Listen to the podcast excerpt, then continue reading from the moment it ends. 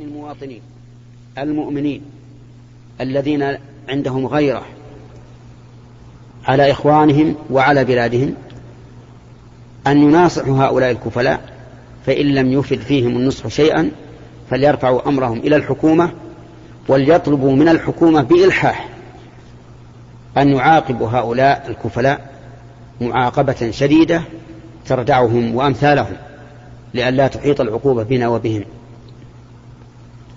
نعم.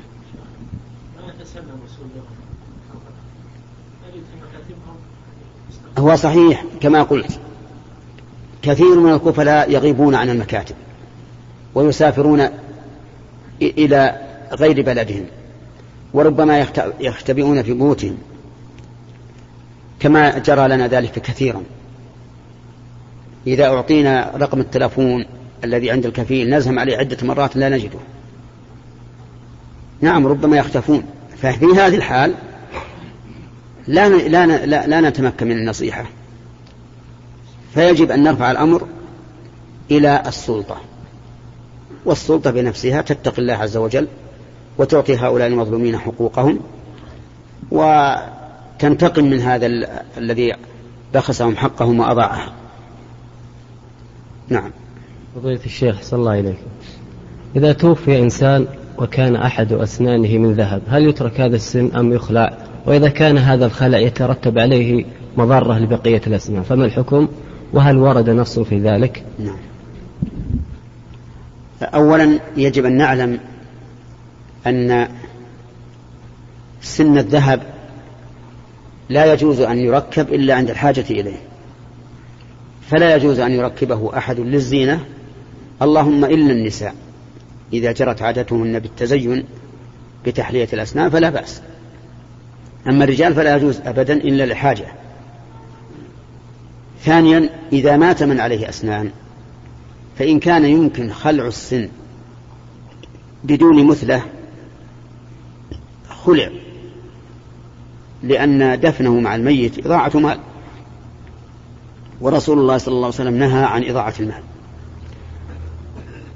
وإن كان لا يمكن خلعه إلا بمثلة بحيث تسقط بقية الأسنان فإنه يبقى يبقى يدفن معه.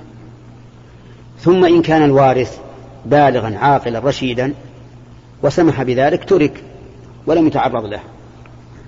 وإلا فقد قال العلماء إنه إذا ظن أن الميت بلي حفر القبر وأخذ السن.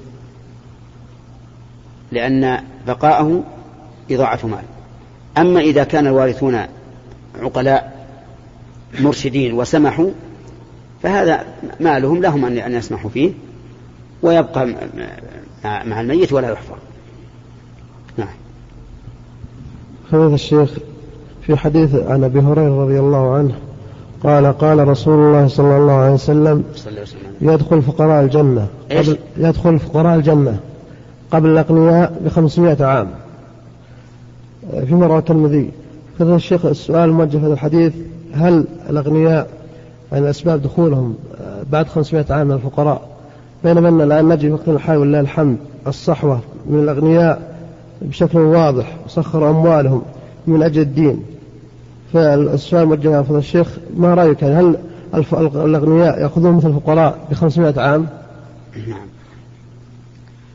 ظاهر الحديث أن الفقراء يدخلون الجنة قبل الأغنياء بخمسمائة عام أو بمدة أخرى تتفاوت عن خمسمائة عام. و ولكن هذا فيما إذا تساوى المؤمن الغني والفقير. فإن الله يجبر هذا الفقير الذي لم يتنعم في الدنيا بما تنعم به الغني فيقدمه دخولا على الجنة. أما إذا كان الغني عنده من الأعمال الصالحة ما يفوق الفقير فالظاهر والله أعلم أنه أن الغني يسبق الفقير بحسب سبقه في العمل الصالح ويكون هذا الحديث مقيدا بما إذا تساوى الغني والفقير. أو يقال إن هؤلاء يسبقون الأغنياء دخولا ولكن الأغنياء إذا دخلوا الجنة صاروا في منازلهم التي يستحقونها فوق الفقراء إذا كانوا يستحقون منزلة فوق الفقراء والجنة درجات ولكل درجات مما عملوا. نعم. فضيلة الشيخ. لا لا انتهى السؤال. في في فضيلة الشيخ.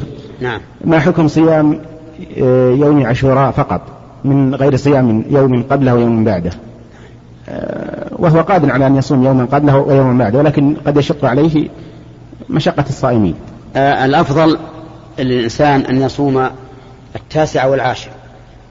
أن يصوم التاسع والعاشر من شهر المحرم. هذا هو الأفضل. لأن النبي صلى الله عليه وآله وسلم سئل عن صوم يوم عاشوراء فقال أحتسب على الله أن يكفر السنة التي قبله. لكنه قال لئن, عش لئن عشت أو, لئن بقيت إلى قابل لأصومن التاسع يعني مع العاشر. وورد عنه صلى الله عليه وسلم أنه قال خالف اليهود صوموا يوما قبله أو يوما بعده وفي رواية يوما قبله ويوما بعده. لكن لا شك أن المخالفة تكون بما إذا صام الإنسان يوما قبله أو يوما بعده. فالأفضل أن يصوم قبله يوما أو بعده يوما وإن صام التاسع فهو أفضل من صوم الحادي عشر. وإن صام الأيام الثلاثة التاسع والعاشر والحادي عشر حصل له أجر صيام ثلاثة أيام من الشهر. لأن الإنسان إذا صام ثلاثة أيام من كل شهر كان كصيام الدهر كما ثبت ذلك عن النبي صلى الله عليه وسلم. وإن كان الأفضل في الأيام الثلاثة أن تكون الثالثة عشر والرابعة عشر والخامسة عشر لكن يجوز أن تصام في غير هذه الأيام الثلاثة. فقد قالت عائشة كان النبي صلى الله عليه وسلم يصوم من كل شهر ثلاثة أيام لا يبالي أصامها من أول الشهر أو وسطه أو آخره. وإن اقتصر على صوم اليوم العاشر فقط حصل له الأجر. لكن ينقص أجره عمن صام اليوم التاسع معه أو الحادي عشر. وقد قال بعض العلماء إن صيام عاشوراء على ثلاث مراتب. المرتبة الأولى أن يصوم التاسع والعاشر والحادي عشر. والمرتبة الثانية أن يصوم الحادي عشر والعاشر. و نعم المرتبة الأولى أن يصوم التاسع والعاشر والحادي عشر. والمرتبة الثانية أن يصوم التاسع والعاشر. والمرتبة الثالثة أن يصوم العاشر والحادي عشر. هذا هو الأفضل. وأما من اقتصر على العاشر فلا حرج عليه. لعموم الأدلة الدالة على فضيلة ثواب صوم اليوم العاشر. ولكن يبقى النظر فيما يحصل من الناس من الذبذبة في اليوم العاشر. متى؟ نعم. نقول لا عبرة بالتقويم. العبرة بأحد أمرين. إما رؤية هلال محرم أو إكمال شهر ذي الحجة ثلاثين يوما. فإذا لم يرى هلال شهر المحرم فإنه يتمم شهر ذي الحجة ثلاثين يوما. ومنازل القمر ليس لها ليس بها عبرة. فمثل في هذا العام منازل القمر تقتضي أن يكون اليوم هو الثاني عشر. لكن لا عبرة بذلك لأن الرسول عليه الصلاة والسلام قال صوموا لرؤيته وأفطروا لرؤيته فإن غم عليكم فأكملوا العدة ثلاثين وهذا ينسحب على جميع الشهور. إذا لم يرى الشهر الداخل فإن نكمل الشهر الذي قبله ثلاثين يوما. وبهذا نطمئن. أما كنا الناس مذبذبين حتى بعض الناس قال إنه في, في يوم الجمعة يعني يوم العاشر يوم الجمعة يعني غدا. وسبب ذلك أنه نزل في الإذاعة حديث للشيخ صالح الحيدان كان حديثا في العام الماضي. والعام الماضي اليوم العاشر يوم الجمعة. فنزل الحديث في الإذاعة وهو حديث العام الماضي فسمعه الناس على أن العاشر يوم الجمعة. فصاروا يسمون علينا هل هم أجلوا يوم العاشر إلى يوم الجمعة؟ لهم يوم العاشر مو بيتأجل ولا يمكن يتأجل. وسببه الخطأ في تنزيل الشريط للعام الماضي لهذا العام. وإلى هنا ينتهي هذا المجلس لأنه أذن أذان الظهر. ونسأل الله تعالى أن يعيدنا وإياكم عودا حميدا وأن يرزقنا وإياكم العلم النافع والعمل الصالح إنه على كل شيء قدير والحمد لله رب العالمين وصلى الله وسلم على نبينا محمد وآله وصحبه أجمعين ونعتذر للإخوان الذين لم يتمكنوا من الإدلاء بسؤالاتهم وليحتفظوا بها للقاء الثاني إن شاء الله. الحمد لله حمدا كثيرا طيبا مباركا فيه. وأشهد أن لا إله إلا الله وحده لا شريك له. شهادة تنجي قائلها من عذاب النار يوم يلاقيه. وأشهد أن محمدا عبده ورسوله. أفضل من أرسله إلى خلقه. واشدهم وأشدهم أداء للأمانة وتبليغ الرسالة فقد بشر وأنذر وبلغ وبلغ البلاغ المبين فصلوات الله وسلامه عليه وعلى آله وأصحابه ومن تبعهم بإحسان إلى يوم الدين. أما بعد فيا أيها الناس اتقوا الله تعالى واشكروه على ما أنعم به عليكم من نعمة الإسلام. تلك النعمة التي لا يضاهيها أي نعمة. إنها نعمة إنها نعمة يحصل بها يحصل بها الفوز في الدنيا والآخرة. إنها نعمة ينجو بها الإنسان من النار. إنها نعمة يعتز بها الإنسان ويفخر بها. إنها نعمة إذا قدرها الإنسان حق قدرها. كتب له النصر في الدنيا والآخرة. أنا لننصر رسلنا والذين آمنوا في الحياة الدنيا ويوم يقوم الأشهاد. يوم لا ينفع الظالمين معذرتهم ولهم اللعنة ولهم سوء الدار. واشكروا الله عز وجل على ما أنعم على ما أنعم به عليكم من العقل الذي تتميزون به عن سائر المخلوقات التي لا عقل لها. واشكروا الله عز وجل أن أنعم عليكم معشر المسلمين باستخدام هذا العقل فيما يرضي الله عز وجل. فكم من إنسان أعطي ذكاء ولكنه لم يعط ذكاء فلم يستخدم عقله فيما خلق له. فاحمدوا الله عز وجل على هذه العقول التي اهتديتم بها إلى دين الله وشريعته. ثم احمدوا الله عز وجل بما أنعم عليكم في هذه البلاد من الأمن والرخاء من الأمن والرخاء في حال أن كثيرا من البلاد الإسلامية وغير الإسلامية قد أصيبت بالمحن والأذى من الجوع والفقر والخوف. ثم اشكروا الله عز وجل على, أن على ما أنعم به عليكم من نعمة الأولاد. واعلموا أن نعمة الأولاد فتنة للعبد واختبار. فإنها إما منحة تكون قرة عين في الدنيا والآخرة. سرور للقلب وانبساط للنفس وعون على مكابد الدنيا وصلاح يحدوهم إلى البر في الحياة وبعد الممات. اجتماع في الدنيا على طاعة الله واجتماع في الآخرة في دار كرامة الله.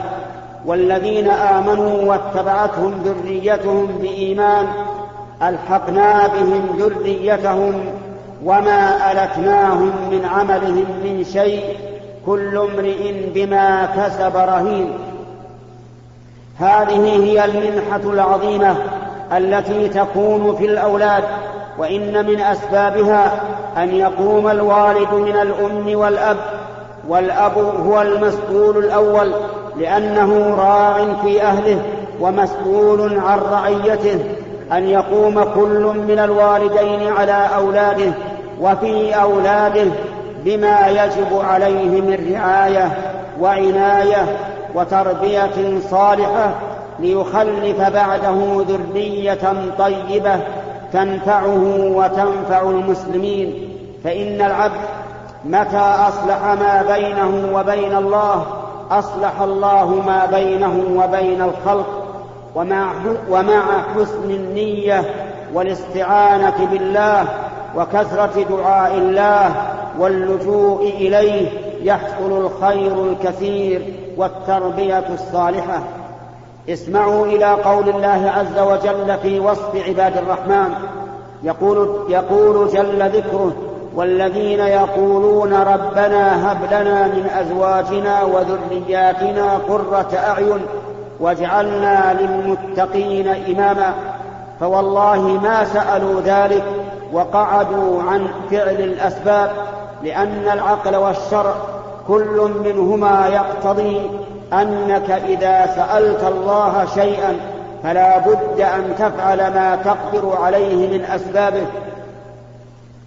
أرأيت لو سألت الله تعالى أن يرزقك ولدا هل أنت تبقى غير متزوج أم أنك تسعى إلى ما يحصل به الولد من النكاح؟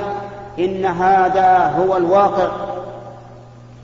أما الشطر الثاني من نعمة الأولاد فإن فأن تكون هذه النعمة محنة وعناء وشقاء وشؤما على الأهل والمجتمع وذلك يحصل لمن لم يقم بما أوجب الله عليه من رعاية أولاده وتربيتهم تربية صالحة إنها تحصل لمن أهملهم فلم يبال بهم أكبر همه أي أكبر همه أن يسعى إلى نكاح يقذف به شهوته.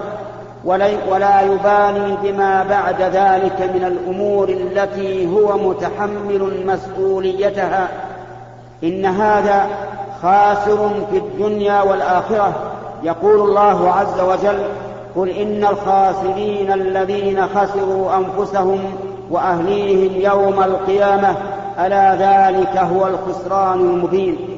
وإن من السفه وإن من السفه في العقول والضلال في الأديان أن يعتني قوم بتنمية أموالهم ورعايتها وصيانتها وحفظها والتصرف فيها فيشغلوا أفكارهم وأبدانهم وينشغلوا بها عن راحتهم ومنامهم ولكنهم قد نسوا أهلهم وأولادهم فما قيمة هذه الأموال بالنسبة للأهل والأولاد أليس من الأجدر بك أيها المسلم أن تخصص شيئا من قواك الفكرية والجسمية لتربية أهلك وأولادك حتى يكونوا بذلك شاكرين لنعمة الله ممتثلين لأمر الله.